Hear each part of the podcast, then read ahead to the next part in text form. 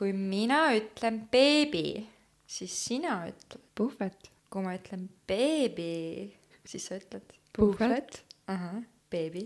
puhvet. beebi. puhvet. beebi. puhvet. beebi. puhvet. beebi. puhvet. beebi.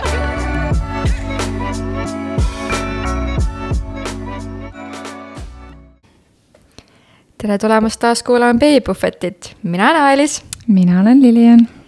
ja täna on meil külas äh, doktor Pärnits äh,. ehk siis Anette või ma, ma arvan, et ma iga kord ei hakka sind doktoriks siin nimetama et, et on ikkagi Anette mm,. ma juba Anetele siin jõudsin rääkida ka, et äh, ma olen ikkagi jälginud teda kas just nagu pikka-pikka aega, aga aga selline kaks pool aastat oleme ikkagi su blogi jälginud, et äh, sul on väga informeeriv ja lahe blogi, Minus perspektiiv äh,, keda, mida ma soovitan kõigil, kõigile lugeda.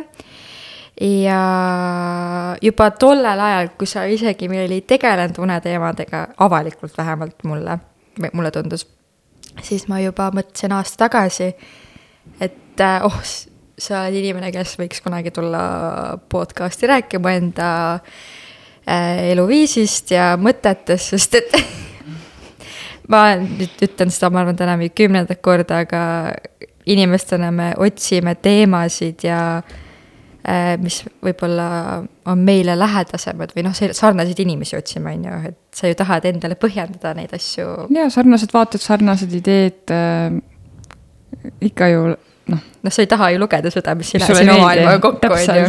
jaa, et miks ennast närvi ajada. jah, täpselt. jah.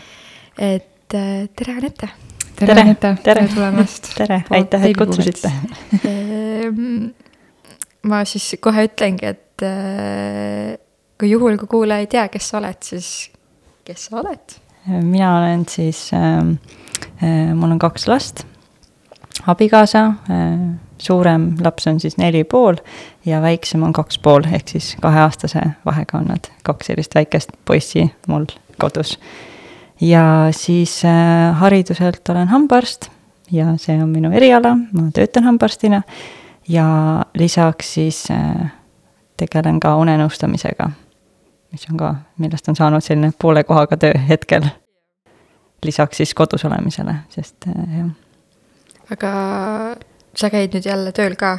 Ja, ja, ja ikka käin tööl ka, aga ma... väikse koormusega. aa, okei okay.. ma. ma olen tegelikult kogu aeg käinud laste kõrvalt tööl ka imetades ka ja kõik? ja, ja ikka, ikka imetades ka. noh, see mm -hmm. kolm-neli tundi ära olla ei ole ju väga mm -hmm. hull. sa andsid just välja ühe raamatu ja praegusel põhjusel, ma arvan, sa oled selle raamatu pärast meil ikkagi siin kokkuvõttes. ja, ja tõesti ähm, sai jah, alguses, eks mul endal lastega une vallas oli nii raske, et see pani otsima küsimusi, et eks inimesi on erinevaid on inimesi, kes tulevad võib-olla sellise ootamise ja raskustega kergemini toime, aga ma tundsin, et mina nagu tahan mingit lahendust.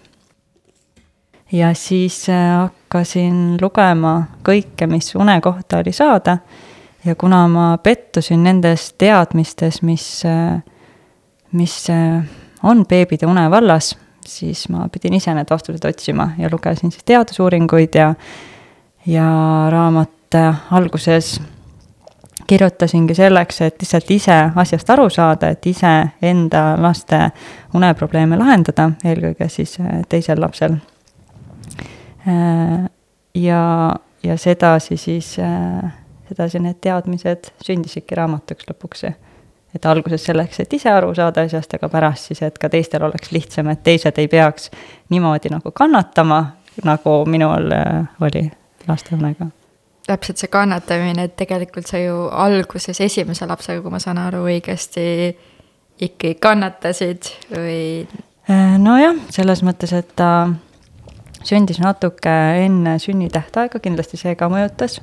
et enneaegse lapse aju ikkagi ei ole arenenud nii, nagu tähtajani kantud lapse aju ja see väljendub ka unes, ehk siis nad ärkavad tihedamini öösiti ja on, neil on raske nagu tagasi unne vajuda, et nad kipuvad nagu öösiti pikemalt ärkvel olema.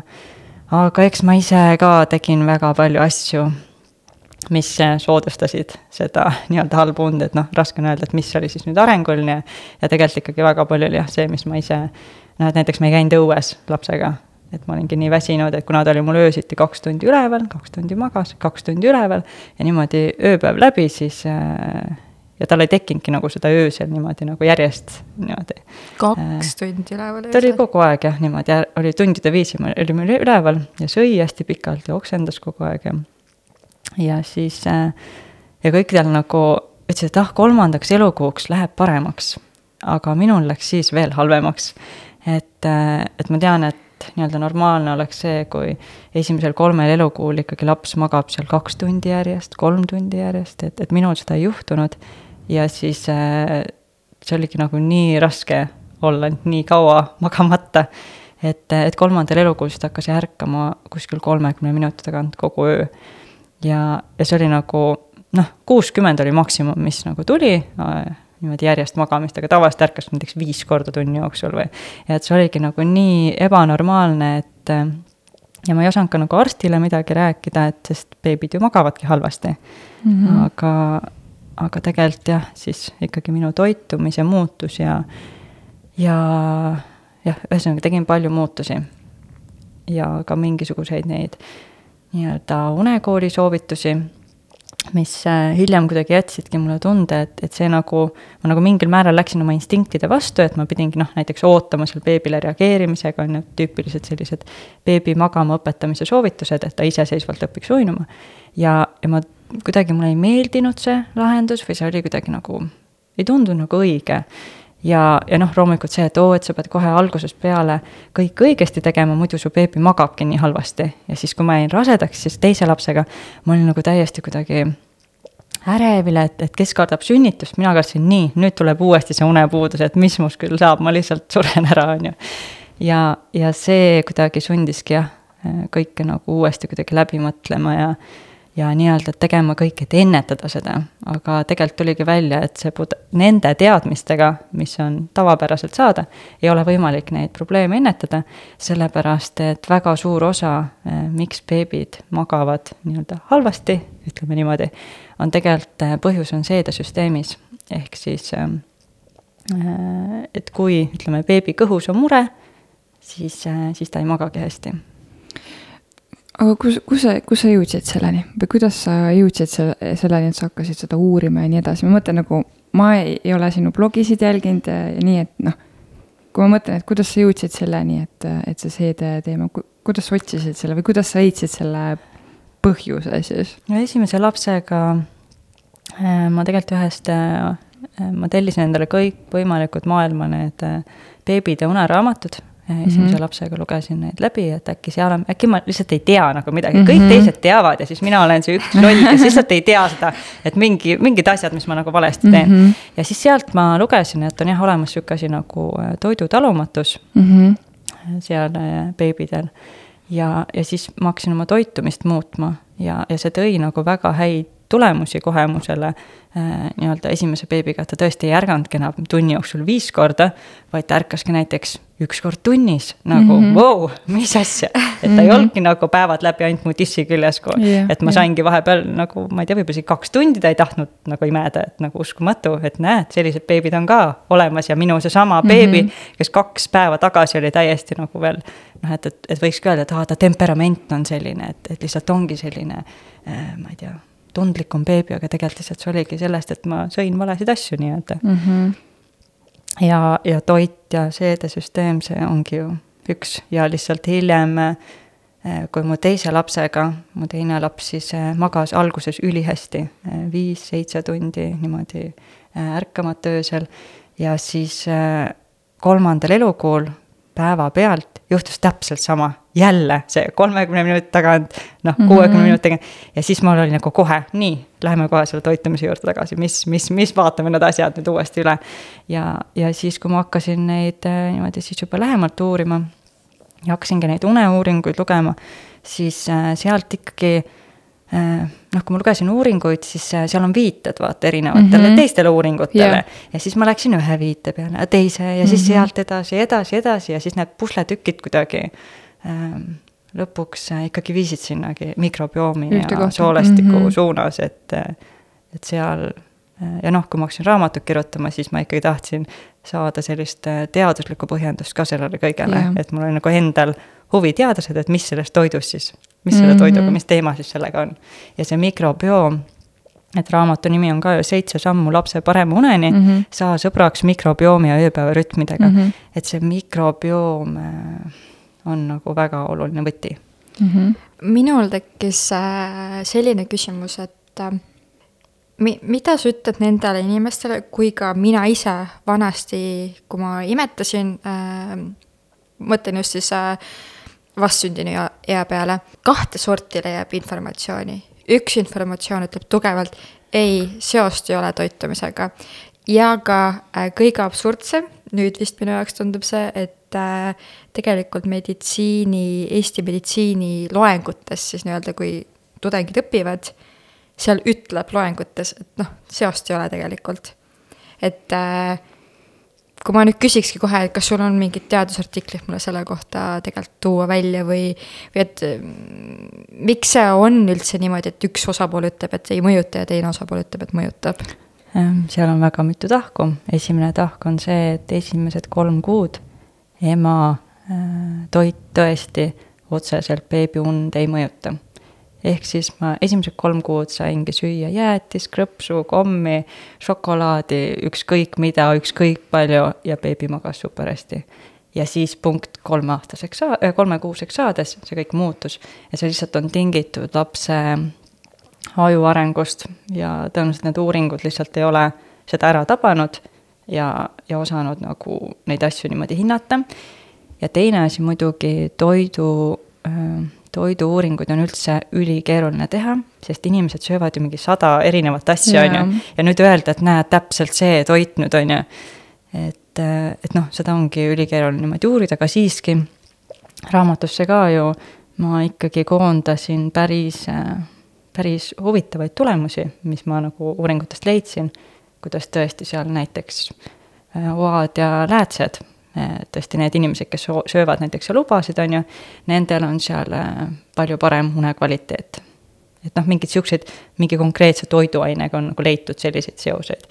ja siis on leitud ka, et nagu näiteks need inimesed, kes magavad halvemini, kellel on seal halvem unekvaliteet, kes võib-olla öösiti ärkavad, nende soolestiku äh, mikrobioomis on siis teatud äh, bakterit näiteks rohkem kui nendel, kes hästi magavad, et konkreetne bakter et, et neid seoseid nagu on ja mis ma siis nagu ise tegin nii-öelda esmakordselt, on siis see, et ma sidusin omavahel need uuringud, mis ütlesid, et, et ongi, et näiteks sul, sul on see bakter, on ju, et mida see bakter siis süüa armastab mm. -hmm.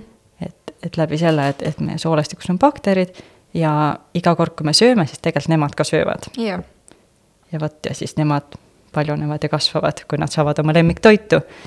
ja, ja kogu see toitumise teema lähebki sinna, et sama tähtis nagu nii-öelda osasid halbu baktereid näljas hoida, on sama tähtis ka headele süüa pakkuda, ehk siis jah, see ainult tatra söömine tegelikult ikkagi ei, ei, ei aita, jaa.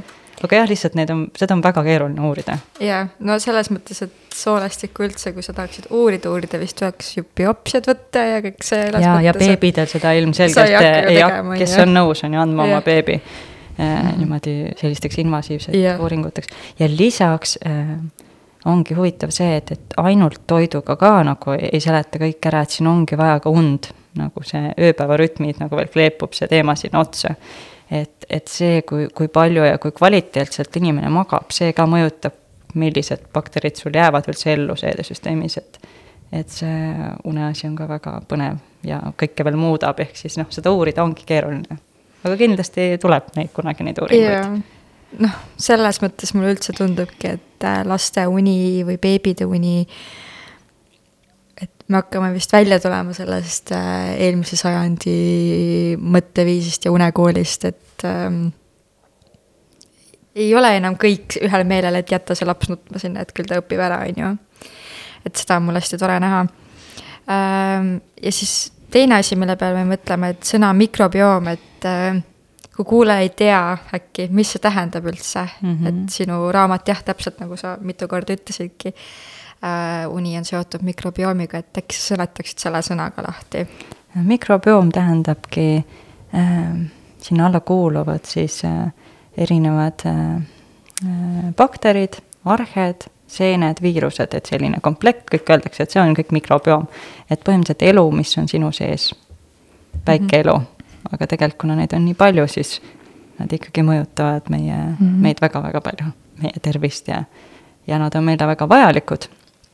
Et nad ei hängi seal soolestikus või kus iganes niisama äh,, lihtsalt ei hõlju meiega kaasa, vaid äh, see toit ja see elukeskkond, mis meile, neile pakume, nad annavad meile ka vastu asju, et näiteks on leitud, et needsamad mikroobid või bakterid, kes meie soolestikus on, nemad toodavad meile vitamiine mm -hmm. B-grupi vitamiine.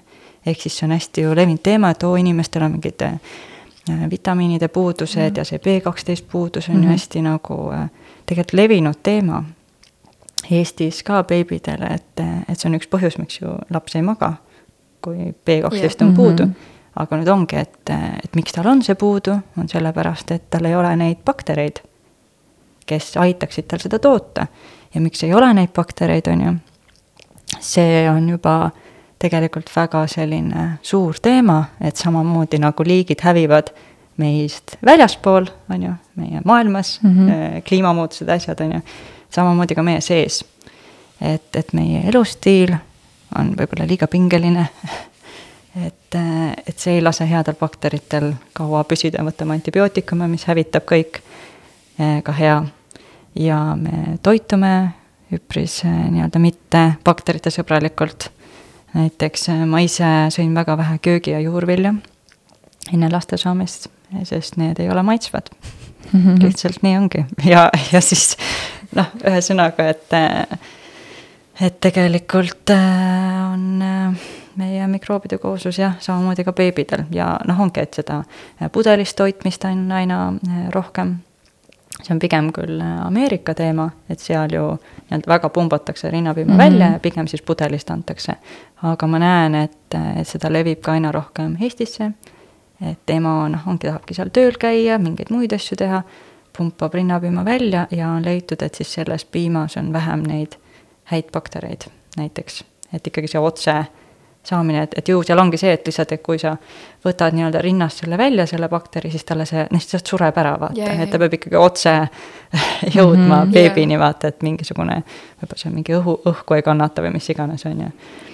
Ja samamoodi need äh, sündimised, on ju, et äh, keisrilõikeid on ikkagi päris palju, et see ka kohe, et kas beebi saab oma esimesed bakterid arsti kummikindlalt, on ju, või ta saab äh, sünnitusteedest, on ju see, me just rääkisime mm -hmm. siin eelmises mm, osas Piret Järvisega mm -hmm.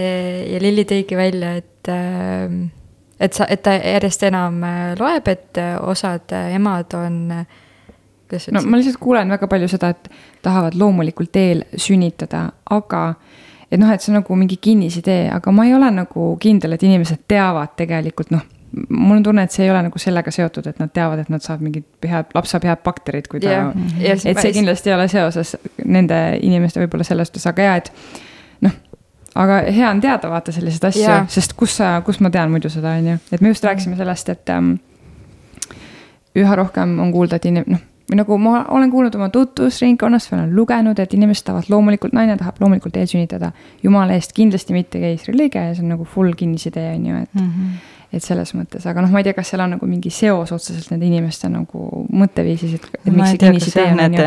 see, et nüüd. Äh, et ta teab jah, et bakteritest on ju. samas ma olen kuulnud, et tõesti, et väga äh, nii-öelda paljud äh, emad, kes otsustavad kodus sünnitada mm, -hmm. et mhm. nad nii-öelda rõhutavad seda, et oh ei saa neid haiglabaktereid mm. -hmm. ja ma ise sünnitasin ka oma teise lapse kodus mm. -hmm. mitte sellel põhjusel, aga noh, see oli sihuke okei okay,, jah, võib-olla tore argument mm -hmm. on ju et siis ma veel ei teadnud mikrobiomi kohta niimoodi mm. -hmm. aga, aga et tõesti on nüüd uuringutes leitud, et näiteks lapsed, kes sünnivad kodus, et neil ongi neid nii-öelda neid häid baktereid palju rohkem ja halbade osakaal on väiksem.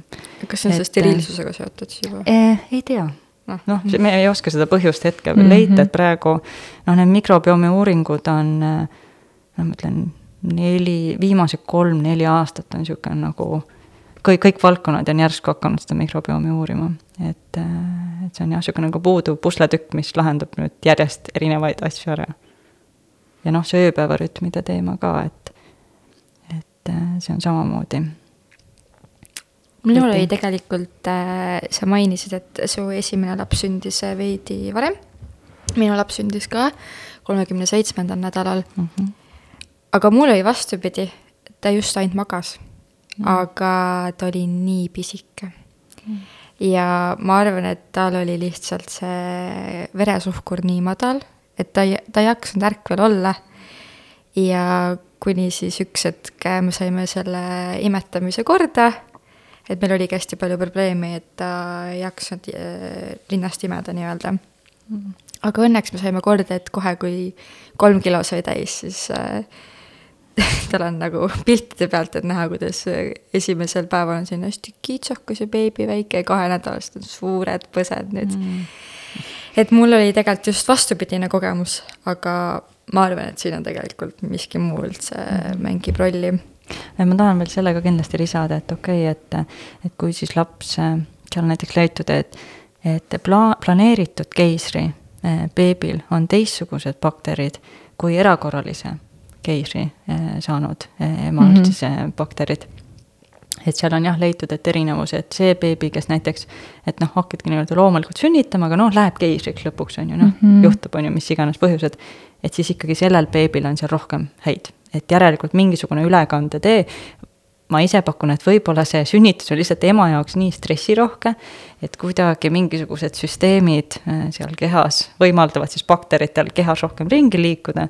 ja, ja nii-öelda siis ongi seal rinnapiimast näiteks siis sellest esimesest rinnapiimast siis beebi saab mingi sihukese portsu baktereid, mis siis, mis ikkagi on, mõjutavad seda mm, -hmm. seda beebit hiljem aga ja ei ole ka nii, et nüüd, kui on keisribeebi, siis nüüd kõik on halvasti, et ei, et, et see mikrobioom ikkagi kujuneb ähm, väga nii-öelda esimestel eluaastatel on kõige suurem see mikroobide saamine mm. -hmm. et sellel ajal on nagu tähtis ka ta ongi see imetamine, et, et hästi huvitav minu arust see, et, et nüüd ongi, no tegelikult see ei olegi nagu väga uus teadmine, et et ema rinnapiima kaudu siis äh, beebi saab baktereid, emabaktereid. et ei ole ainult see sünnitus, vaid tegelikult esimesel eluaastal või noh, üldse nii kaua kui imetab, saab neid äh, baktereid, ema soolestikubaktereid mm. -hmm., ehk siis see ema toit väga mõjutab, mm. -hmm. ema stress väga mõjutab.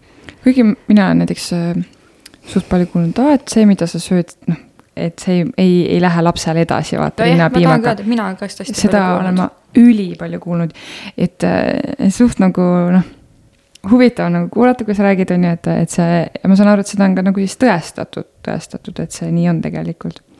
aga jaa, ma olen nii palju seda, sama, samamoodi nagu see ka, et aa, et see gaaside teemaga seoses võib-olla, et miks lapsel tekivad gaasid, on vaata, mida ema sööb, on ju. et noh, kui sa sööd mingeid asju, et siis või võib-olla mingid asjad tekitavad lapsele ka gaasi nagu. et lihtsalt jaa, noh mulle endale nagu on ka alati tulnud nagu loogilisena, et kui, laps saab minu rinnapiima, siis, see on ju sinu, sinult nagu tehtud, on ju. et äh, aga jaa, vaata ongi nii palju nagu vas-, noh, kui õppisin loomaarstiks, ma pidin ähm,, meil oli söötmine oli selle aine nimi nii-öelda, üliraske aine väga,. väga-väga keeruline aine, aga ikkagi lõpuks ma siis äh, sain seda tehtud. aga ma tuupsin tu- kuu aega umbes. ja ma pidin, pidin täpselt samamoodi tegema täiesti nagu samm-sammu omal aru endale või noh, selgeks tegema, mis seal vatsas, sest loom- äh,, lehmadel on siis vats nii-öelda on ju, ütleme kõhu kohta, soolestiku kohta mm. -hmm. vats on see kõige olulisem koht. ja täpselt nagu sa seal rääkisidki nendest bakteritest, et seal on ülioluline, mida need bakterid söövad mm. -hmm. et äh, lehmadel on äh,, issand, ma nüüd ei mäleta juba neid kõiki asju, aga atsidoosi, ketoosi Need on hästi halvad äh, olukorrad, ma ei lähe siia nüüd mm -hmm. täpsemalt nagu sisse.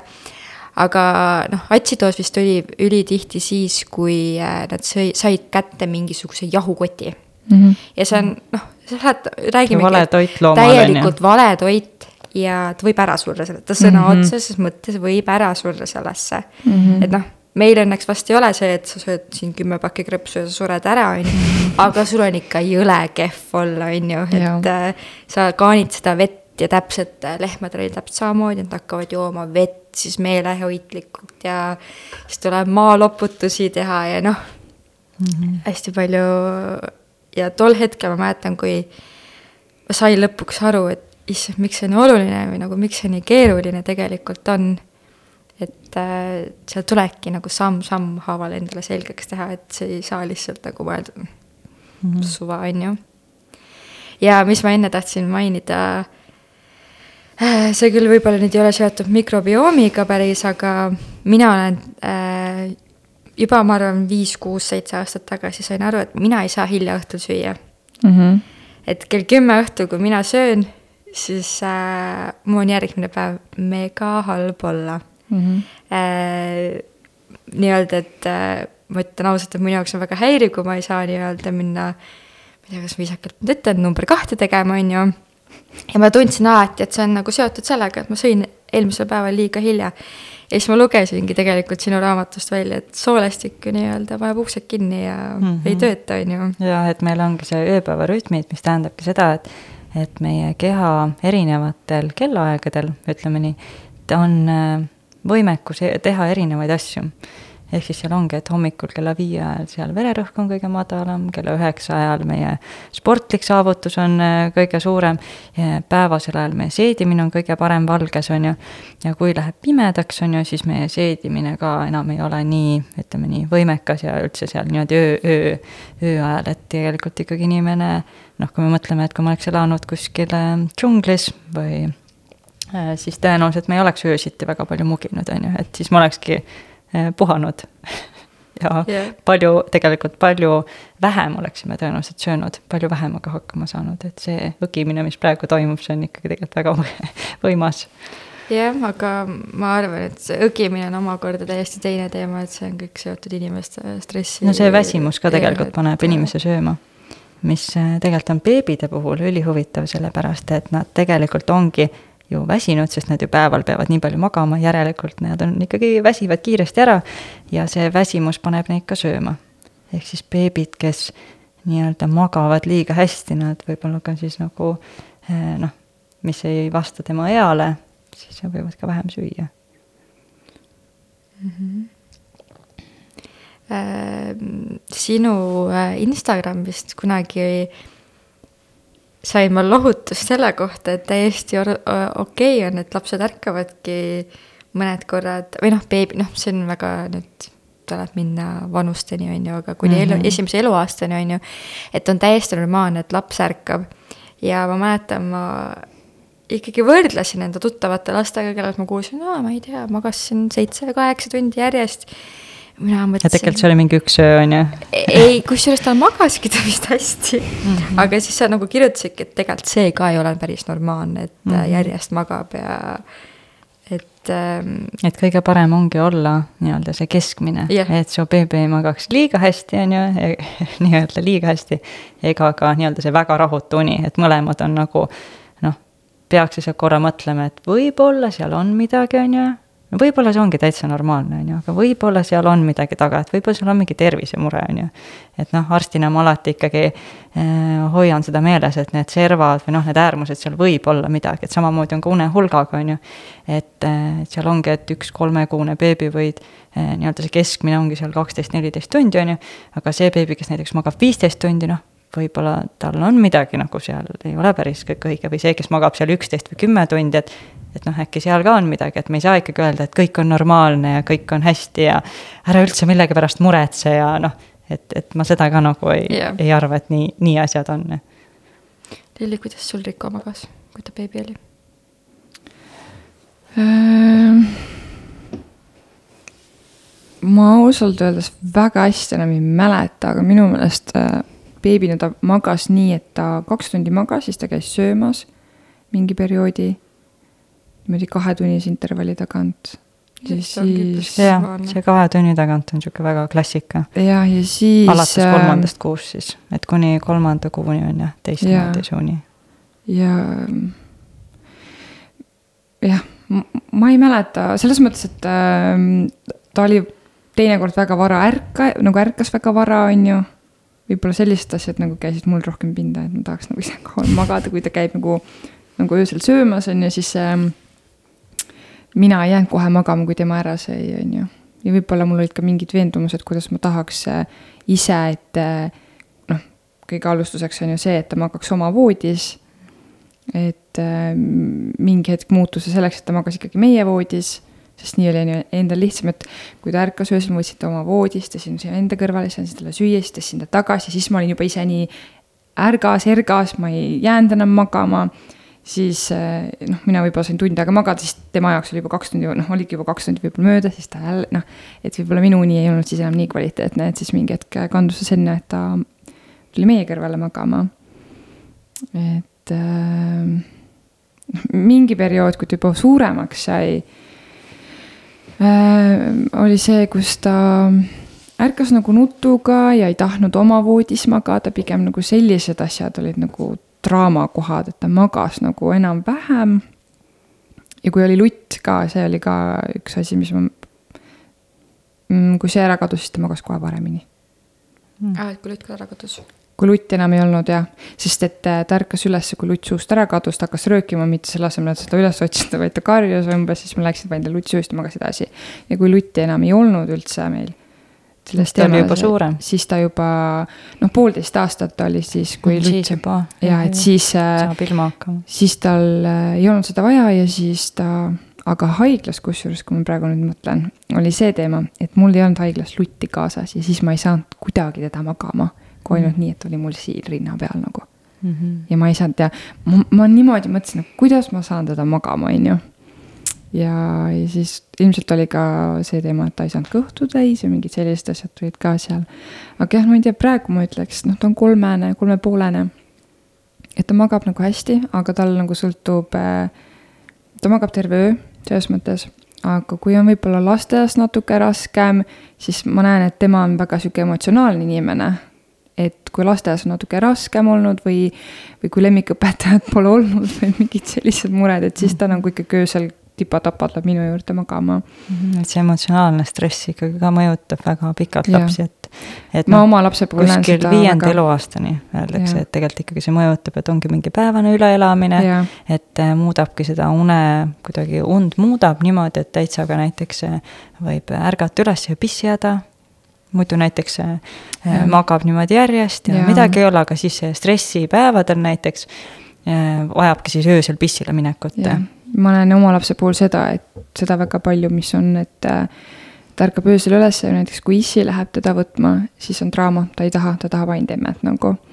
et see on ka üks asi, mis on mind ka võib-olla pannud mõtlema, et võib-olla ma pean nagu oma elutempot ka nagu koomale tõmbama, et olgugi, et me oleme temaga väga palju koos ja teeme väga palju asju koos, aga teinekord vahest mulle tundub, et võib-olla, ma ei tea, ta tahab seda rohkem äkki mm. -hmm et see lähedus jah, see noh, sa ütlesid ka, kuidas sa vaata tõstsid nagu beebit sinna ära, on ju.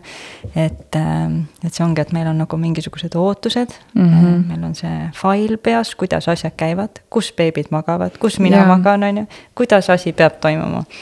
ja, aga ongi see fail on loodud kultuuri poolt mm, -hmm. kultuuriruum, kus me elame. et minu arust see oli mulle endale ka nagu väga huvitav, et, et kuida-, et ma hakkasingi mõtlema, et, et okei okay,, et, et enamik jah, mu ümber emasid on sama hädas. aga mida teevad siis need emad, kes elavadki näiteks Hiinas või mm -hmm. kuskil ongi seal küttkorilased veel, kes on maailmas järgi, on ju. et kuidas, kas nende beebidega on samamoodi, et mida nemad siis öösiti teevad, kas ja. nad, kas nemad ka on samade muredega, et noh, ei ole mm. -hmm. suures, suures pildis ei ole, et mis nemad siis teistmoodi teevad. Või et mis ma noh, kui ma mõtlengi ennast kiviaega, et mida ma siis emana oleksin te-, oleksin mm teinud. et kas ma oleks nagu beebit tõstnud kõrval oleva, olevale kivile näiteks Täpselt. magama, on ju, et. et kas see on loomulik asi, et ei ole loomulik, järelikult noh, võib-olla see toob ka tulemused, mis ei ole loomulikud, ehk siis mm näiteks, et ei suudagi ise uinuda. et see imetamine, äh, see on emade supervõime mm. mina ütlen alati, et eh, seda tasub kasutada, et eh, öösiti ka ikkagi ongi mõeldud, et sa nii-öelda aitadki beebi sellega magama. ja tegelikult see mõjub ka emale endale uinutavalt.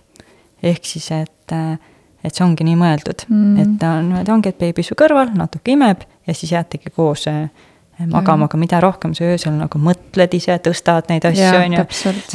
võib-olla vaatad veel mobiilist, okei okay,, mis kell veel on, on ju, et see kõik tegelikult mõjutab su enda unekvaliteeti mm. -hmm ja, ja seda ja võib-olla, võib-olla last ka vaata, ta jääb ju rinna peal magama, siis ma hakkan seal sahmerdama, on ju. jah, ümber et, tõstma ja. et ma nagu nõustun sinu väitega ka, et, et see, mis meie ümber toimub, see mida keegi ütleb umbes, et noh, et laps peab oma voodis magama umbes, on ju. mina esmaemana, ma võtsin ju selle kuskilt, ega ma ise ei tulnud selle peale selles mõttes, et äh, väga paljusid asju sa võtad kuskilt ja siis sa mingi hetk saad aru, et kuule, see ei toimi nagu või nagu. väga palju asju on, olen mina nagu nagu teinud risti vastupidi, kui keegi mulle näiteks öelnud, et tegelikult noh, tegelikult on õige nii, tegelikult on õige naapidi, siis nagu meie perele ei sobi. mulle mm -hmm. ei sobi see, me teeme nii mm. -hmm. et, äh, et äh, väga raske on nagu sellest ähm, kõrvale saada, et kui keegi ütleb sulle, on ju. eriti, kui nad on autoriteetsed, on ju. Et kui Ameerika lastearstide selts ütleb, et, et beebi endale kõrvale võtmine on ohtlik, on ju, et sa tapad oma beebi ära, on ju. noh, mis sa siis teed, on ju, siis sa Äh, ja noh, ongi võib-olla äh, isegi need emad, kes väga palju ei loe, neil on kergem, on ju, aga samas äh, noh, eks seal ole mingisugused, ta on natuke teinud järeldusi võib-olla mingite uuringute põhjal, mis näiteks noh, et, et ohtlik on siis, kui, ja siis nüüd tulevad need tegelikud tingimused mm, -hmm. kui ema suitsetab, kui ema tarbib alkoholi, on ju, või siis kui ema ei imeta, on ju, noh, siis on mm -hmm. nagu ohtlik, sest ema uni on siis teistsugune mm. -hmm kui ema ei imeta, et seetõttu öeldaksegi, et nagu isa kõrval ei ole väga turvaline magada, sest isade uni on teistsugune kui imetava ema uni. et äh, imetamishormoon juba teeb ema une pindmisemaks, et, et ongi iga krabina peale, et äh, kohe oled nii-öelda ärkvel. et, äh, et see ongi nii mõeldud ja isade uni on ikka väga huvitav, kui sellest rääkima hakata, ma mäletan nii hästi, kui mul äh, mees küsis, et oi, et Riko magas siis terve öö, ma ei kuulnud mitte midagi, ma ütlesin, et käis kolm korda söömas nagu, mis sa räägid mm, -hmm. et nagu mitte midagi ei kuule, vaata, et see on hämmastav mm. -hmm. aga kui sa, kuna sa juba tõidki selle mm, kõrvalmagamise nii-öelda sisse, on ju, et äh, siis äh, korra otsin, meil tuligi täpselt küsimus mm -hmm. sellel teemal, nii et seda jah, beebiga koos magamist harrastab äh, maailmas üheksakümmend viis protsenti kultuuridest mm. -hmm. see beebist eraldi magamine ongi lääne pära, lääne kultuuri omapära mm. -hmm. kõik need maal elavad imetajad magavad oma beebide läheduses. Äh, aga jah, siis meil on, et evolutsiooniliselt tegelikult inimene ei oleks pannud oma beebit endast eraldi, vaid mm -hmm. olekski hoidnud väga lähedal. lähedal, jah ja et meil tuligi küsimus, et kas beebi koos magades voodilt maha ei või keerata kukkuda. Ja... ikka võib, kui sa kuskil kõrgel oled ja, ja selleks ongi, selleks nagu..., selleks ongi vaja siis kas äh, lükkad voodi äh, seina vastu, on ju, seal paned võib-olla serva asju täis, et ta sealt mm -hmm. kuidagi ei keeraks maha, on ju äh, vahetad selle mehega võib-olla kohad ära, kes tõstab madratsi maha, on ju, kes, äh, et noh, siis sealt ei kukuks alla, on ju saad turvatsooni lapsele ümber teha. turvatsoon, siis ma, ma olen kuulnud, et müüakse beebipoodides ka mingisuguseid servasid, mis saad voodi külge panna, et sealt, et loomulikult võib maha kukkuda, et see ongi see turvaline koosmagamine, et. et kuna me, meie voodid ei ole see, mis kivi ajab seal mingi koopapõrand on ju, mis on tõesti mhm. võib-olla turvaline. ja Jaapanis ka seal äh, on imiku äkksurma nii-öelda risk ja on väga-väga madal võib-olla ongi tänu sellele, et nende see nii-öelda mattide peal magamine ongi väga sihuke askeetlik ja turvaline mm. -hmm et, et Aga... meil on lihtsalt, ongi teistsugune elukeskkond, et siis me peame seda kohendama. et ongi, et kas siis me, meie beebiuni on rahutu või siis me üritame leida põhjused, võttagi ta lähemale endale ja siis luua selle turvalisema mm -hmm. keskkonna, et ta ei kukuks kuskilt alla loomulikult see tekitab ka emale ärevust ju, kuidas yeah., kuidas sa saad magada, kui sa samal ajal mõtled, et aga nüüd, kui ta keerab ennast natuke, siis ta juba lendab, on ju. jah, me, mulle Rik-, noh, Rika on kolmepoolene, ta käib, noh, ikka vahest minu kõrval magab ja siis ma, nii kui ta minu kõrvale tuleb, ma toon diivanist, diivani, diivani pealt suured paljad, sihuke partaka on ümber, tal ei ole võimaluski maha kukkuda mm. -hmm. et aga see on jah huvitav, mina olen ka seda, mis Ameerika see arstide liit või mis iganes see on, et ma olen ka sealt just nagu jäänud mulje, et nemad on väga äh, nii-öelda go sleeping'u vastu ja. tegelikult see on muutumas. on nüüd ja, muutumas? on noh, selles mõttes, et nad äh, ikkagi korrigeerivad oma neid äh, soovitusi ja asju, et äh, jah aga jah, nendest vaata kogu maailm läheb, on ju, läänemaailm ja siis äh, teised nagu ei mõtle, teised teevadki nii, nagu öeldakse, on ju. Sest äh, et eks seda ongi, seda loogikat seal tabada, et ongi, et äh, jah, see loogika tabamine, et, et millest me lähtume, et kui me lähtume evolutsioonist, hakkame asju nagu läbi mõtlema, siis, siis ongi kõik loogilisem kuidagi, et siis nagu saada õige perspektiivi sellele beebiune asjale. et kui lihtsalt võib-olla noh, ei mõtle niimoodi, siis, siis võib-olla isegi tundub loogiline, et võib-olla tõesti ma keeran oma beebile peale, on ju.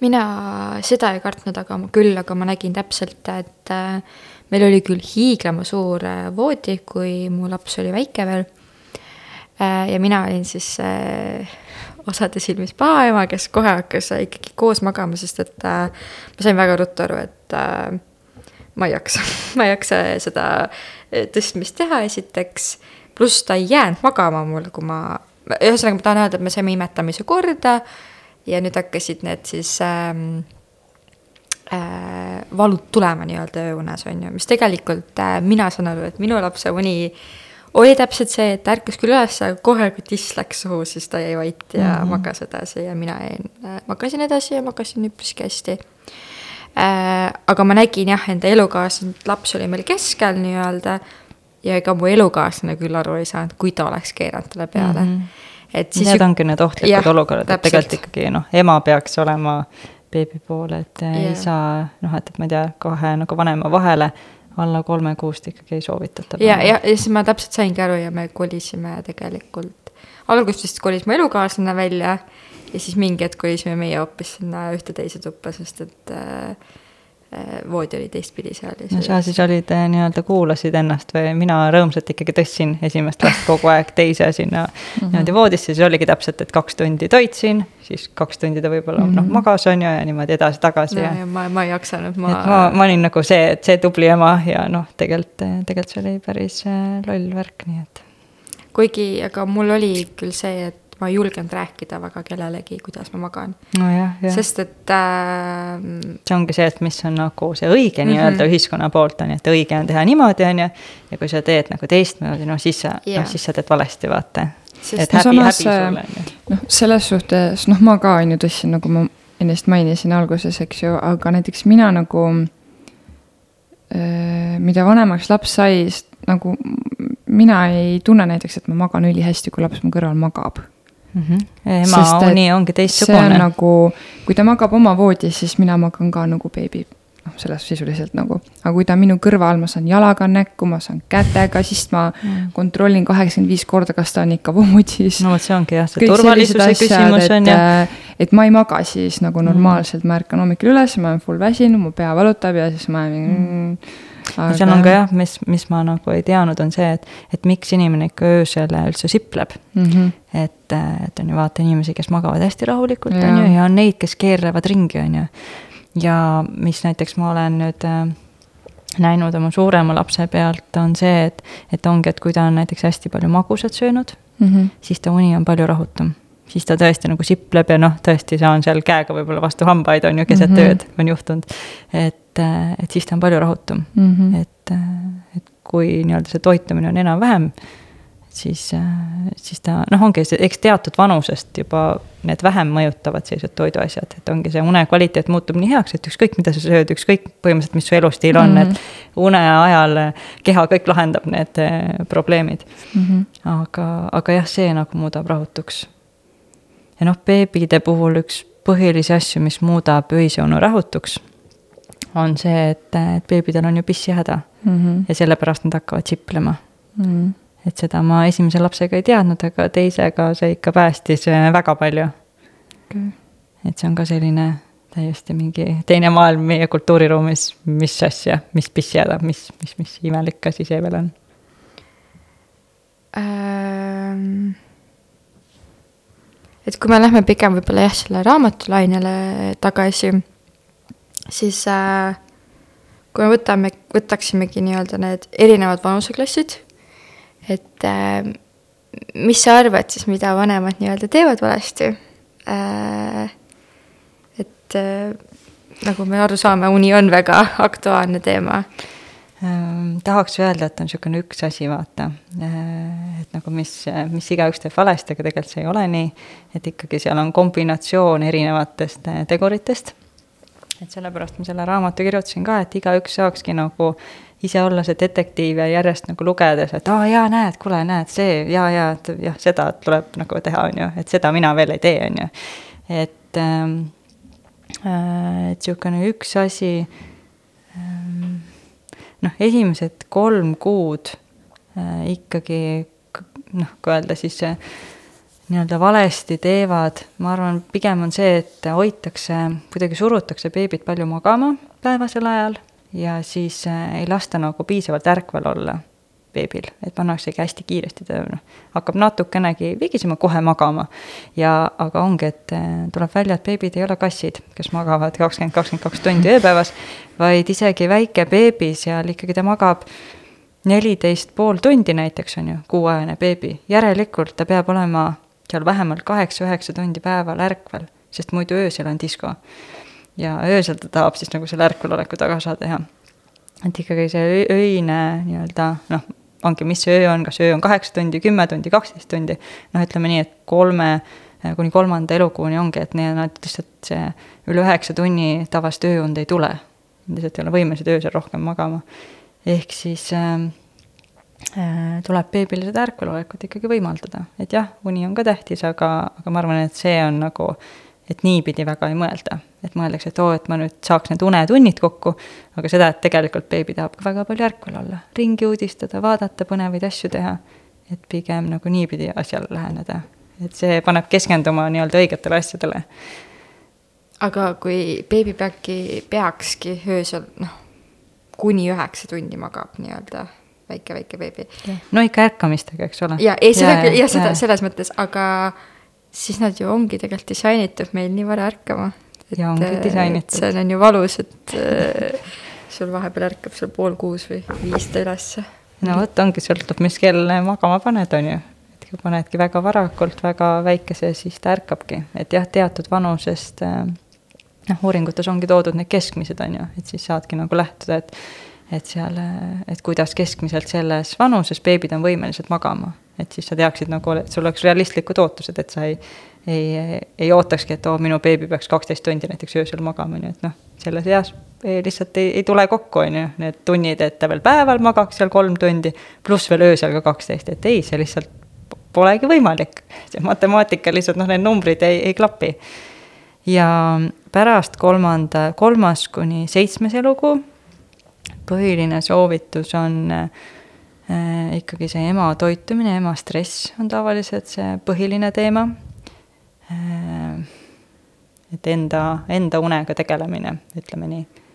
et, et ei peagi beebi kõrvalt kõike jõudma et esimesed kolm kuud nagu emad veel, et ah, beebi nii nunnu, magab rinna peal, kõike seda.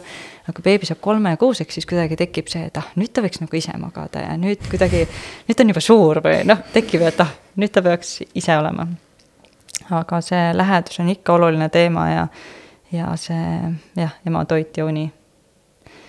ja siis äh, pärast seda juba tegelikult äh, hakkavad mõjutama needsamad, no tegelikult juba kolmandast elukuust hakkavad mõjutama needsamad tegurid, mis, äh, mis täiskasvanutel und mõjutavad.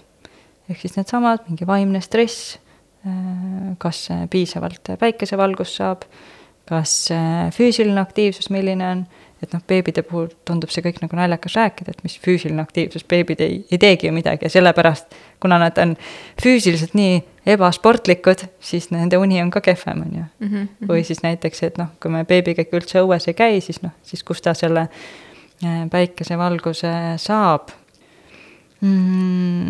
et ühesõnaga, seal on tegelikult ikkagi jah, väga, väga palju tegureid, mis äh, ennist meil jooksis korraks läbi see maguse teema ka Äh, kas sa tead, mis selle mingi loogika taga on? see loogika on see, et kui sa hakkad lugema mis tahes äh, uuringuid, erinevates valdkondades.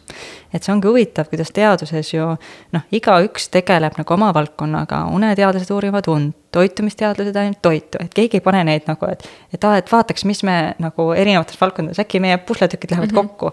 et seda ma nagu üritasingi teha ja et kui näiteks loed seal eh, suhkru kohta raamatust, on ju, eh, kus on uuringud välja toodud, kuidas seal eh, Need, kes, lapsed, kes söövad palju suhkrut, nende seal mälu on harve halvem, eh, nad on rahutumad, impulsiivsemad, mis iganes tegurid on ju, noh, me räägime juba suurematest lastest. Eh, ja siis, kui sa pane, saad nagu selle teada, et need inimesed, kes söövad palju suhkrut, nende uni on kehvem, nende une kvaliteet. ja kui sa tead veel seda pusletükki, et une kvaliteet mõjutab seda, milline on su mälu ja kui impulsiivne sa oled, ja ühesõnaga need kõik asjad lähevadki nagu kokku, vaata need killukesed mm -hmm. nagu omavahel et ähm, äh, et jah, see magus mõjutab unekvaliteeti, ütleme nii. ja tegelikult, kui veel mikrobiomi kohta teada, siis see lihtsalt suurendab äh, teatud bakterite hulka, proteobakterid, kes on nii-öelda meile kehas siis nii-öelda halvad bakterid.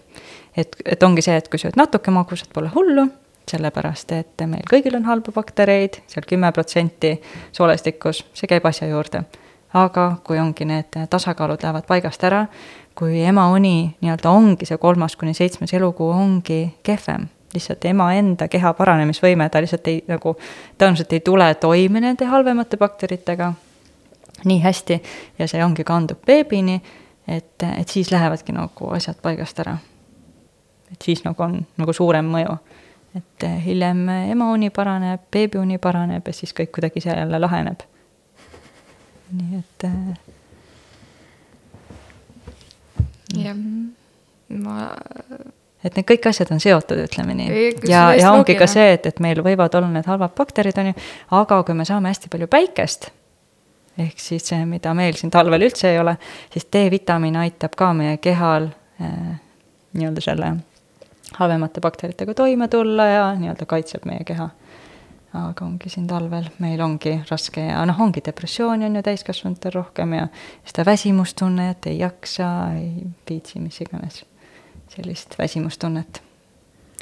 ja mina olen vist küll ainuke inimene, kes tunneb, et suvi on jällegi liiga palju valgust, et see ka häirib mind. jah, meil on ekstreemne. on ju, et ja. äh, mulle meeldib äh, nii-öelda see varajane sügise periood kõige rohkem, sest siis on täpselt äh, piisavalt hulgal ja, ja valgust kui ka pimedust, et. no ekvaatori lähidastel eladel olekski see, et kaksteist tundi valgust, kaksteist tundi mm -hmm. pimedust, on ju, et seal tegelikult eh, see, selle järgi tõenäoliselt meie keha on üldse selle rütmi saanud. ja, aga jah, me elame hullul lai-, laiuskraadil ja siin, kellel ei ole beebiunega probleeme, see oleks väga üllatav, kellel nagu aasta jooksul ei teki, et me elame sihukesel laiuskraadil, kus noh, ongi kõik meie toit, kõik, see on nagu retsept eh, halvaks uneks kõik eeldused on olemas. kõik eeldused on olemas ja no tegelikult küll jah, et, et selles mõttes need uneteadmised, ma arvan, et ikkagi igale inimesele mitte nagu, et noh, ongi, et et see tegelikult ju see raamat ei ole ainult beebiunest, on ju, et see noh, see tegelikult kandub ka täiskasvanutele ju, et väga palju on seda ema mõju, ema enda nii-öelda ootusi, kõike seda. ja äh, alguses me rääkisime sellest ärevusest ka ja ma mäletan, et äh, kuna ma laps jäi kolman-, kolmekuuseks äh, täpselt siis, kui ma sain siis nii-öelda ülikoolist paberi kätte. ehk siis kolm elukuud ma olin hästi pinges, hästi närvides, mul oli vaja ülikool ära lõpetada. ja noh, tagantjärele on nii kurb mõelda, sest et väike laps ikkagi kannatas selle kõige all, sest et äh, paratamatult ma olin justkui vihane tema peale, et nagu miks sa ei jää magama, mul on vaja praegu minna õppima ja mm -hmm ja mul ei olnud aega ja siis ma jälle ulgusin seal kogu aeg ja noh. eks see väsimus ka. ja väsimus ja stress, noh pigem see ärevus just, et kogu, kogu aeg mõtlesin selle peale, et ma tegelikult peaks ju praegu õppima mm. -hmm. aga ma ei suuda õppida. ja siis mm -hmm. kogu aeg ketrab sul nagu siin ajus kuskil tagataustal, et miks sa ei tee seda, miks sa ei tee toda mm. -hmm. minu meelest see on üsna tihti nii, noh, kui ma praegu mõtlen ka, et kui ma tean, et ma, et noh, laps peab nüüd noh, ta peab nüüd kohe magama jääma, on ju, kaks minutit on aega. sest et mul on vaja seda, teist, kolmandat teha, on ju. ja kui ta ei jää, siis sa lähed nii ärevaks, minu meelest lastel on väga hea see supervõime aru saada, kui ema on mingi kettas seal. ja, ja ta küll, mingi. see on uuringutes ju ka nagu, on seal välja toodud, et tõesti mm, -hmm. kuidas see hoolitseja nii-öelda enne ööund näiteks, et kuidas see ema seal on, et kas ta on, et nüüd, et käratab seal, et nüüd voodisse ja umbes mm -hmm. teki alla ja maga või siis ta ongi seal, et oo, et äh, kuidas su päev läks ja silitab, paitab, selline hästi mm -hmm. nii-öelda ideaalema on ju. et või ideaalhoolitseja, isa võib ju samamoodi panna magama. et, äh, et see jah, mõjutab seda lapse unne-jäämist mm, -hmm. et, mhm. et tegelikult see ongi see nagu selline vaimne pool või niisugune see lähendus, et, et ma arstina alati kuidagi ja emana ka mulle tundus see, et ah, see on mingi, mingisugune, mingi pseudovärk, millest nagu räägitakse, et see, see ei ole nagu mingi päris värk, et, et ta on ikka alati siuksed füüsilised kindlad tegurid, mis mm -hmm. nagu mhm. mõjutavad, aga et tõesti sihuke see lähedus või see, kuidas sa suhtled beebiga, et ka see on oluline. et see oli minu ja kuidas see, noh, mu raamatus on kirjutatud ka, et kuidas see siis mõjutab seda, äh, nüüd on leitud, et selline stressiolukorrad, kuidas need mõjutavad meie soolestikus siis bakterite ellujäämist ja kuidas meie keha toimib ja kõik seda. et see on nagu noh, nüüd ma, nüüd on nagu ikkagi teaduslikult ka leitud järjest, et, et näed, et siin on seos, et sinu see vaimne stress mõjutab sinu füüsilist keha ja siis mm. -hmm. jaa, kindlasti e,. aga ma jäin korra mõtlema selle, et noh, et lapsed saavad aru, kui meil on nagu kiire mm -hmm. või paha tegelikult äh, minu arvates isegi paari suhtes, et kui mu elukaaslane on närviline, siis noh, mina üldjuhul ei suuda jääda, et okei okay,, tal on praegu raske elus, et noh, mis seal siis ikka. ei, ma ikkagi kuidagi võtan selle närvipingega enda peale, ehk siis äh, ma alati elukaaslase püüan ka öelda, et kui noh, midagi on, siis räägime, et äh, kui sa ei ütle mulle, mis sul mm -hmm. toimub, äh, ma üldjuhul, see on nüüd tegelikult äh, tööalane asi mingisugune, mis talle mm -hmm. tekitab närvikõdi. kui sa ei ütle mulle seda, siis mina ikkagi tunnetan seda, aga ma arvan, et sa oled minu peale pahane või mm -hmm. miski kodus häirib sind. et äh, tegelikult meie ise ju täiskasvanud, isegi teine täiskasvanu suudab sind mõjutada, nii et. jah, noh. et samamoodi on ka beebidega, nii et nad et, ei olegi väiksed ufod, vaid tegelikult nad on ikkagi üpris sarnased meile. jah mm -hmm ja noh, ma arvangi, et äh, lastel on ju need meeled nagu noh, nad peavadki võib-olla olema rohkem nagu vastuvõtlikumad sellistele asjadele, sest et ei ole võib-olla. see on vajalik nende ja. õppimiseks jah ja., et õppida seda keskkonda ja, ja kõike, kus nad elavad ja jätta meelde need, kuidas, kuidas tuleb inimestega käituda. et hiljem elus ellu jääda. jah, aga enne kui ma nüüd nende saja küsimuse juurde lähen, siis äh, äh ma kirjutasin ka sulle, et kas sa oled nüüd unenõustamist teinud, ma ei tea, kui pikalt sa nüüd täpselt seda teinud oled. kas sa oled juba siin mõne puhul tõstnud käed üles ja mõelnud, et no ma ei tea, mis, mis siin toimub taga või et lootusetu täiesti? Ehm, kusjuures ei ole. aga ma olen nagu seda näen, et inimesed on kaotanud lootuse selles mõttes, et arstid on kaotanud lootuse mm. -hmm et ongi käinud seal perearsti juures, on käinud lastearsti juures, on käinud neuroloogi juures ja kõik ütlevad, et ah, jah, et magabki halvasti, aga noh, näed, kasvab ju ta ju kasvab ja areneb, et ju on hästi ikkagi. ja siis tegelikult laps seal ärkab, on tundide viisi öösiti üleval, ema on täiesti nutab ja zombi valmis, on ju. et noh, järelikult ei ole ju asjad korras, et selliseid nagu väga äh, jah, kes ei ole saanud vastuseid, neid on küll aga see, et nüüd lootusetu oleks, seda mina ei ole tundnud, et alati ikkagi on mingisugused asjad, mida äh, paremaks teha. Ja, ja on olnud paar korda, kus oli nagu selline raskem kohv või tundus, et mis, mis jama nüüd siin on, et miks siis nüüd täna, et kuna see unenõustamine tavaliselt on mul kaks, kaks nädalat kuskil kestab, et ema siis täidab neid päevalogisid mis ta on söönud, mis, äh, kuidas beebi magab, kuidas ta tuju on, kas kakanud, ühesõnaga igast asjad paneb sinna kirja.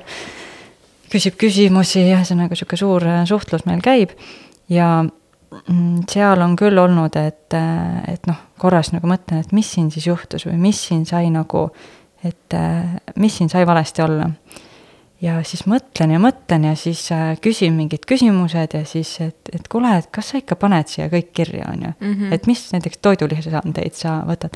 oh, jah, et nüüd hakkasin jah ühte uut võtma, jah, seal on jah need asjad sees, et kas see ka mõjutab või? siis jah, vist, vist näed, ja näed, kaks päeva oligi rahutu, nii et ja näed, see, see võis olla see, on ju. jätab ära, läheb paremaks, on ju, et sihukest nagu või noh, et, et võib-olla need raskuskohad ongi see, et ikkagi nagu ma pean hästi nagu küsima inimeselt asju üle, et ma arstina näen ju ka, et ma küsin, et, et vabandust, kas te ravimeid võtate? ei võta, on ju. ja siis äh, tuleb välja, et aa jaa, antidepressante ja vererõhuravimid, aa, et need loevad ka või? jah, need loevad ka, et, et samamoodi on tegelikult noh, võib-olla see on ka inimlik, et inimene lihtsalt ei taipa kohe kõike mm -hmm. ühelt, on ju, et et, et tuleb nagu palju äh, üle küsida ja ja võib-olla ka nagu päris palju sihukest kordamist on inimestele, et, et näed, et sa, kas sa seda asja juba teed, on ju. et, et võib-olla mu viga alguses oligi see, et unenõustajana ma nagu ootasin, et ma annan need soovitused, inimene teebki kohe neid asju. aga, aga nüüd ma ikkagi näen, et inimestel peab hästi kõrval olema, küsima, kuule, kas sa nüüd täna tegid seda mm -hmm,, okei okay,, näed, täna äkki homme proovid, on ju, et sihukene. noh, peangi nagu hästi kõrval olema kogu mm -hmm. aeg, et aga samas see viib ka tulemusteni, ma näen, et et kui ikkagi kõrval olla ja ja öelda, et näed, kuule, seda sa veel ei tee, aga tegelikult see on kõige olulisem asi, et me vaata rääkisime sellest, et. et tegelikult sellest peab alustama, nii et ma saan aru, et sa nagu noh, see on raske, on ju, aga, aga noh, et, et.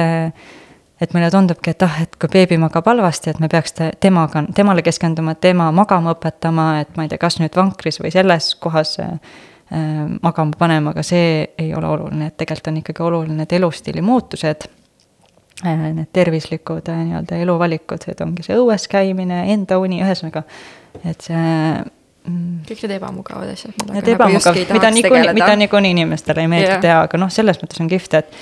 et see unepuudus ikkagi äh, nii-öelda sunnib Sunni. inimesi väga mm -hmm. ähm, pingutama ja noh, need tervislikud valikud, eks need, ma arvan, et midagi jääb meelde ka edaspidiseks eluks et ma jah, nagu tõukan inimesi sinna yeah. sinna, kus ma isegi olen nagu, kus ma olen läbi käinud ja, ja kus need uuringud siis ütlevad ka, et, et näed, see on see õige tee. et jah, see on raske tee, aga vähemalt sa nagu liigud õiges suunas ja see on tähtis. jah, vot seda ma tahaks ka lisada, et, et, et noh, sa pöördud unenõustaja poole, et, et näed, et nüüd on äh, väga halvasti, on ju, ja sa saad need äh, nii-öelda sammud, sa teed neid asju, aga tegelikult see ei ole nii, et nüüd me see unenõustamine saab läbi, et nüüd on korras mm, -hmm. nüüd on tehtud, vaata, see ei ole sama, noh, see, see samamoodi, et sa käid trennis ära, on ju, see nädal käid viis korda trennis, on ju. et see ei ole nii, et nüüd elu lõpuni nüüd või noh, et äh, rohkem enam trenni minema ei pea, vaid see ongi igapäevane raskus, on ju, või noh, selles mõttes sa pead iga päev mingi ter tervislikult toituma või noh, mingeid siukseid valikuid tegema, mis ongi ebamugavad. ja beebidega on veel nagu mingid eriti nagu mingi spetsial ebamugavad asjad, mis noh, ongi see hommikune vara ärkamine, on ju. et, et kui oled harjunud nagu mina terve elu väga hilja magama minema, väga kaua hommikuti magama. ja siis äh, sa pead seda muutust tegema, siis ilmselgelt sa nagu noh, inertsis kuidagi alati kaldud sinna oma, oma comfort zone'i tagasi yeah et, ähm, et jah, eks see, eks see ongi, see ongi raske. jah, nii, aga ma võtan nüüd äh, miljon küsimust siin ette nüüd. miks mõni arst ei soovita beebile probiootikume anda, sest süsteem peaks ise toimima hakkama? Äh, jah, jah. Äh, üks asi on see, et ega need probiootikumid äh, Need ei ole ju ravimid, neid ei testita nii nagu ravimeid, ehk siis see on toidulisand ja tegelikult me ei tea, kui hea asi seal pakis on. me ei tea, kas seal üldse need bakterid eluski on, mis me tegelikult rõõmsalt sisse sööme. ehk siis arstina tegelikult sa ju tahad anda soovitusi, mis on alati teaduspõhised, kuna seal ei ole sihukest väga head teaduspõhisust, siis äh, ongi raske soovitust anda ja äh, et süsteem hakkab ise toimima eks ta võib-olla ajapikku hakkabki, aga no kui sul ei ole seda bakterit, on ju, näiteks seal leitigi ühes uuringus, et äh, kümme beebit, noh, ei, beebisid oli palju, aga kümne beebi kohta üheksal ei olnud seda peamist bakterit, äh, bifidobakter infantist, mis peaks tegelikult rinnapiimast toituma ja kõik halvad bakterid ära hävitama ehk siis lihtsalt ei olnud seda bakterit. jah, see ema võib ju teha ja, ja seesama, et kui beebi ei ole seda head bakterit, siis ta ka ei saa, ta võib seda piima juua, ma ei tea, kui palju, aga ta lihtsalt ei kasva, sest tal ei ole bakterit, kes aitaks sellest toidust kõik vajalikku mine- äh,, kätte saada. ehk siis ähm,, eks see olegi sihuke nii ja naa, on ju, et, et meil ei ole sihukest kindlat, et näed, nüüd võtta seda ja kõik laheneb, aga äh, jah jah, nii vist on jah, kõigega on tegelikult nii ja naa, kunagi ei tea. kunagi äkki teab, äkki teadus jõuab sinna.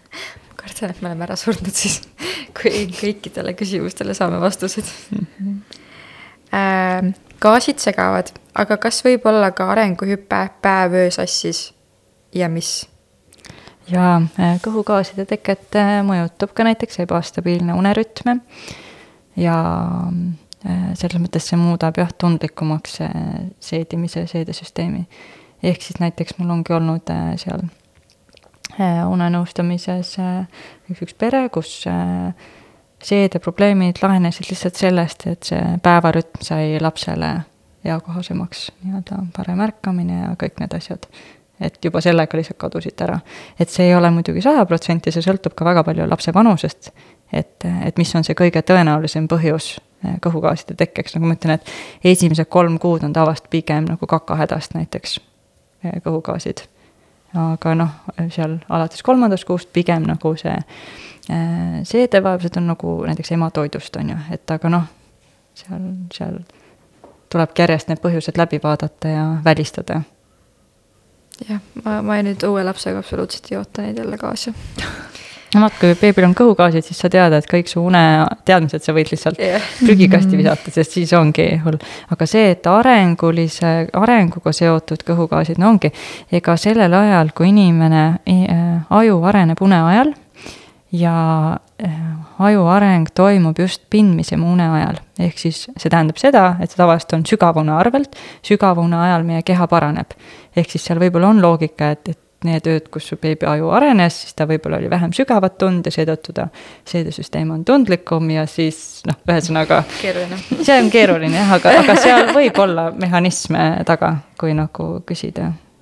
et, et võib olla küll seotud. mind lihtsalt, kui mõtlen nende kaaside peale, et kas tõesti vanasti siis ka inimesed võitlesid nende beebigaasidega või see tundub kuidagi nii ei, jaa, see ongi, aga see ongi kõik meie tavalised elustiili nagu küsimused. et, et miks beebi, noh, hästi tihti on see väide, et lapsed sünnivad äh, mm, noh, soolestikuga, mis ei ole veel valmis nii-öelda, on ju, see tundub mm -hmm. mulle nagu, kas tõesti ongi nii, et see tundub nii ebaloogiline, miks ta peaks sündima soolestikuga, mis ei ole valmis justkui no tal ei ole neid baktereid veel. no võib-olla see.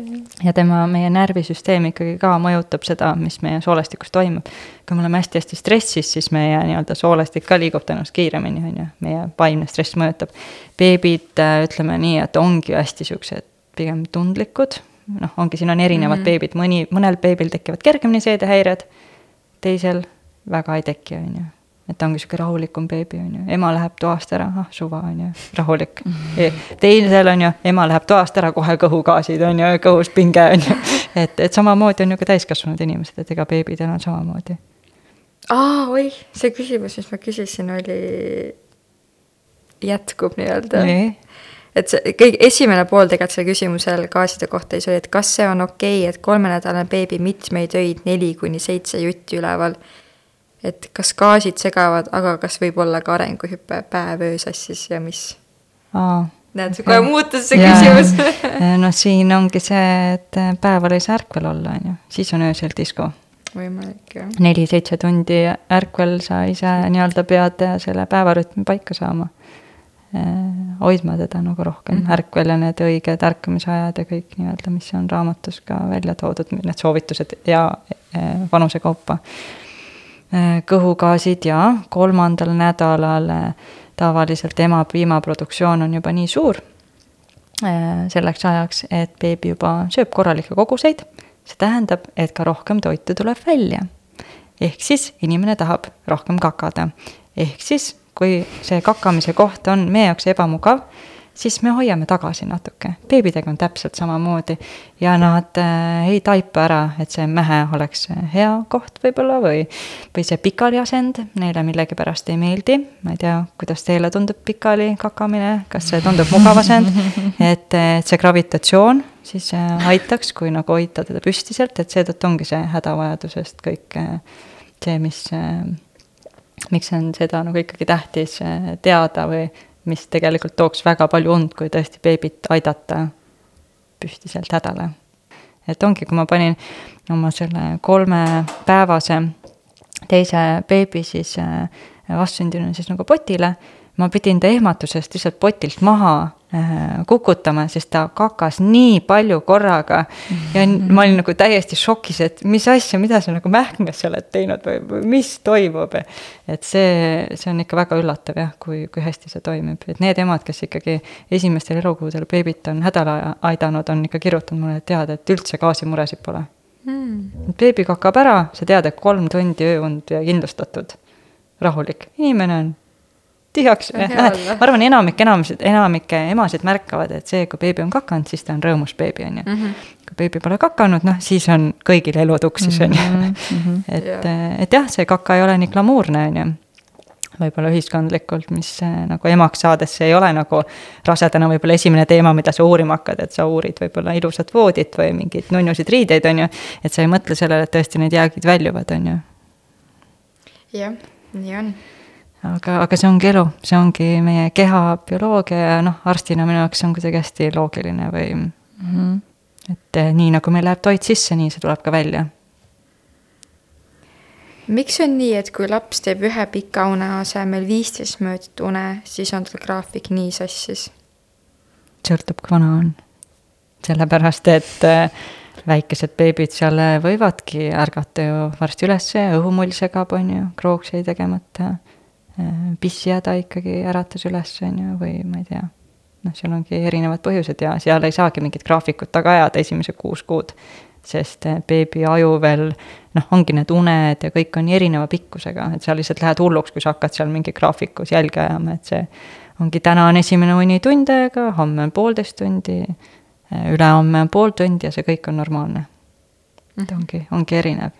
et jah, seal mingid mustrid tekivad, mingi sellise äh, korrapärasuse sealt saab, aga, aga jah, ongi, ongi niisugune natuke kaos mm. -hmm. ja ongi, see ongi, kaos on stressi tekitav, sest kui sa oled niigi väsinud, sa otsid seda ja kõik see on sinu jaoks uus, kogu see beebi asi on nii uus, seal on mingi miljon uut asja, on ju ja, ja siis sa tahad nagu, et oleks mingi korrapära ja siis sa nagu klammerdud sinna päevakava külge, et nüüd, kui ma saan need ajastada, need uned õige pikkusega ja õiged vahed, no siis mm -hmm. kõik laheneb, siis nagu elu läheb korda, vaata. aga tegelikult noh, see on pettumus, aga see päris nii ei ole, et seal mingid punktid on hästi tähtsad, et see hommikune ärkamine, mingisugused ärkveloleku hoidmised, et see on tõesti nagu väga tähtis, sellest ma olen kirjutanud, aga raamatus, aga, aga, aga jah, mingisugune kaos seal ikkagi jah, on teatud eani normaalne. minu arvates on see veidi võib-olla keeruline, et kui sa oled just, mitte just, aga sul on, lõpuks sa oled saanud toimima mingisuguse süsteemi ja siis tuleb see vanus, et noh, tead, vaata seda und ei ole tegelikult enam vaikselt vaja, et aga samas ka nagu ta nagu natuke vajaks seda und mm. -hmm. Need Et- üleminekuperioodid. need on keerulised. Need ongi keerulised, jah.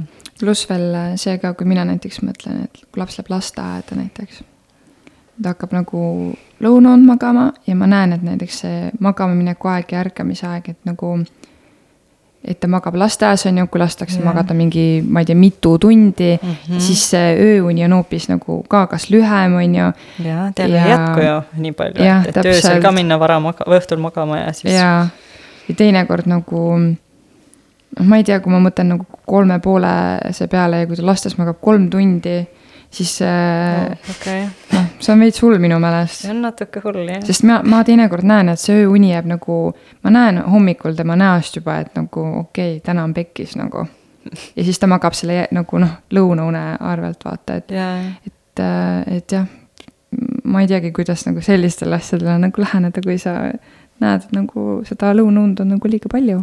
võib-olla annab rääkida, et äh, seal Mhm. lasteaias, Aga- et päris kolm tundi ei laseks või et mingi kell nad Noh. ärataksid näiteks nad üles. jah, täpselt, et. see sõltub väga lasteaia korraldusest. jah, M- ma just äh, tuttavad rääkisid sarnast probleemi ja siis noh, seal oligi umbes, et äh, lapsed läksid hästi veidral kellaajal magama, kahest kolmeni vist oli, läksid magama.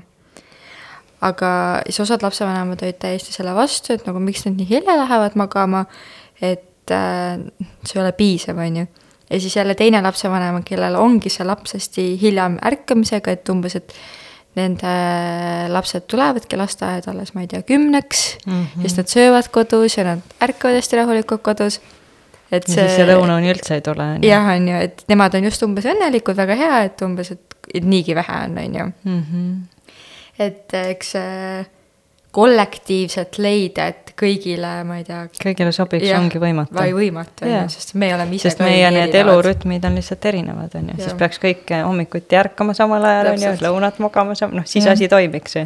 jaa, aga lihtsalt ongi noh, kui ta magabki lasteaias nagu ülikaua, siis noh, ma ei ole väga huvitatud kell üksteist kolmeaastast last õhtul magama vaata panema. kolm tundi tundub et rets. see on see nagu noh, äärmuslik jah, et äh, noh, lihtsalt näide vaata, mm. -hmm. et. Äh, aga tasub küll siis küsida vähemalt, et hiljemalt kell kolm äratatakse. Noh, see jah, ka juba noh, päästab. ma olen nagu ka kuulnud veel igasuguseid variante on ju, kuidas on on ju, et lasteaedades, et äh, laps saab magada nii kaua ja nii edasi ja. või et, et oi, et kui laps magab ainult tund aega lõuna ajal, et oi, siis on ikka väga halvasti, aga nagu kui ta järjest suuremaks saab, siis see unevajadus on teine, aga lihtsalt ongi, et ma näen, et kui ma.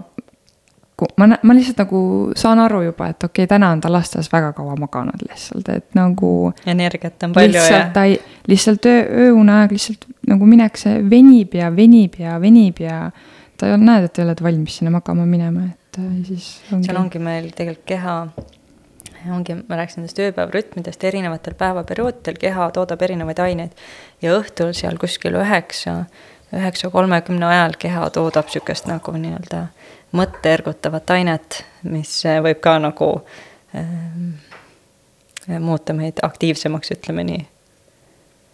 et, et siis ongi natuke raskem nagu võib-olla magama sättida, et see, see võib olla ka see loogika, et miks üritatakse, et oo, et laps võiks magama minna seal kaheksa-üheksa vahel või, või et oo, et see üheksateist nelikümmend viis nüüd on see kuldne hetk, kus magama jääda, et see kõik on tegelikult noh, tegelikult unenõustajad oma kogemuse baasil on lihtsalt ju välja timminud need kellaaeg, nemad ei tea, noh ei ole väga pikalt ju teatud täpselt, et nagu mis aineid toodetakse, keha toodab. aga, aga just, et, et ikkagi need on need kehale sobilikud uinumise hetked, ütleme mm. Nii. oli veel palju küsimusi? no siin on nagu paar tükki, aga mulle nagu tundub, et need on hästi sellised laiad, et siis noh, ma ütlekski, et su raamatut lugeda võib-olla. mõni on jällegi väga noh mm,, siis see on täpselt see teema, millest me siin praegu rääkisime. laps kolmeaastane ja vahel teeks päeval une, une üle kahe tunni. kas lasta magada kaua tahab või rikub see une ära? no siis peab ise katsetama, oleneb, mis kell ta magab, on ju lõunanud, mis kell ta on hommikul ärganud. et need kõik tegurid eh, mõjutavad, et tulebki nagu seda tervikut vaadata. jah mm,. Et ma arvan, jah, jääbki nagu kõlama see, et tegelikult see ikkagi see tervik on oluline, et siin ei Jaa, ole nagu täpselt. ühte seda, et näe, tee nii, on ju, selles järjekorras on ju, ja siis asi toimib, on ju, et noh, tegelikult siin on ikkagi kombinatsioon, et lihtsalt osad emad nagu teevadki noh, nende elustiilis ongi, et näiteks ütlebki, et aa, ma olen laktoositalumatu, ma ei söögi piimatooteid, on ju. Et yeah., et juba see näiteks mõjutab, et aa jaa, et ma käingi noh, trennis näiteks või noh, et mul ongi madalad ootused, on ju. ja see, ta juba nagu tegelikult instinktiivselt teebki nii-öelda neid eh, samme parema une suunas. Äh, ja siis oli lihtsalt äh, küsida ei soovi, aga loodan, et see pood jõuab väga-väga paljude emmeteni, ootan. jess, lihtsalt olen happy, et sa nii-öelda tuled. et meil oli selliseid ka siin päris mitmeid. okei, ma küsin viimase küsimuse. see ei ole une teemal. küsin seda, et mis mänguasja ta soovitab alla aastasele, et oleks arendavad Ähm, mis mänguasja kõige arendavam ikkagi lapsele on äh, suhtlus ja interaktsioon äh, vanematega ja lähedastega, lemmikloomad, teised lapsed, aga eks tulebki vaadata, mis äh, see nii muutub iga kuu seal vaata uued mingid mm -hmm. huvid, seal topsi sisse asjade, asjade toppimine kuskile või väljavõtmine või siis asjade keeramine ja see kõik äh, see kõik jah, muutub esimesel aastal nii palju, et sellest mul on blogis postitus. ja ma olen isegi lugenud vist. ja sa, sa oled lugenud, et siis sa, siis sa ka nagu võib-olla tead, et, et seal ongi, et kuna ma olen jah, see nii-öelda tegelikult äh, ka suur Montessori, Montessori mm -hmm. pedagoogika nii-öelda äh, kas nüüd fänn, aga, aga mulle väga meeldib see ja ma olen seda oma esimese lapsega päris äh, intensiivselt tegime siis ka koduõpet, siis siis et jah, see on niisugune hästi suur maailm ja sealt ikkagi see, et sa märkadki neid lapse huvisid ja, ja toetad neid. see ja muidugi esimesel eluaastal on, mis on põhiline ikkagi need motoorsed oskused, et ta tahab ju püsti tõusta, on ju, et ei tasu siis ju keelata seda. et äh, võimaldada seda liikumist talle ja, ja, asjade haaramist. jah, mul vist lihtsalt meeldis tal kogu aeg, ma ei tea, köögikapist asju välja võtta no ja vot, neile jah, juurde. ja ma lasin seda teha, sest ta Jah. oli vait siis. jaa, aga see ongi õnnelikkuse alus, kui saad teha, mis sa tahad. täpselt, aga suur-suur aitäh sulle, et sa tulid. aitäh kutsumast, tore. Ma sain küll väga palju uusi teadmisi, mida ma ei osanud isegi küsidagi väga palju, sest et nagu väga informatiivne minu jaoks. ma loodan, et meie seda, kuulajad seda öeldakse mulle jah, et mina olen nii palju mulle tundub, ma nii palju jälginud ja lugenud juba, et mul on nagu pigem lihtsalt on tugev, jah? kinnistamine jah, selline jah. et ma kindlasti panen äh, pilgu su Instagrami ja blogile peale ka, sest et jaa, väga palju asju, ma kujutan ette, et ka meie kuulajad saavad siit väga palju, mida nagu ma, ma arvan, et siit on hea edasi minna, et kui tundus, et miski, mingi selline, mitte pedagoog, pedagoogika nüüd, vaid äh, miski suund, mis tunneb, et inimene samastub, siis äh, Anette raamatut äh, uurida, jah, jah. äh, ja Instagramis siis uneekspert Jaa, on see kust, kust leida. ma olen mitu Jah. korda arvates Põimuufetis jaganud ka seda, et äh,, et Jah. Aitäh sulle, et sa tulid. ja aitäh kuulajatele. Ja tšau, tšau. tšau.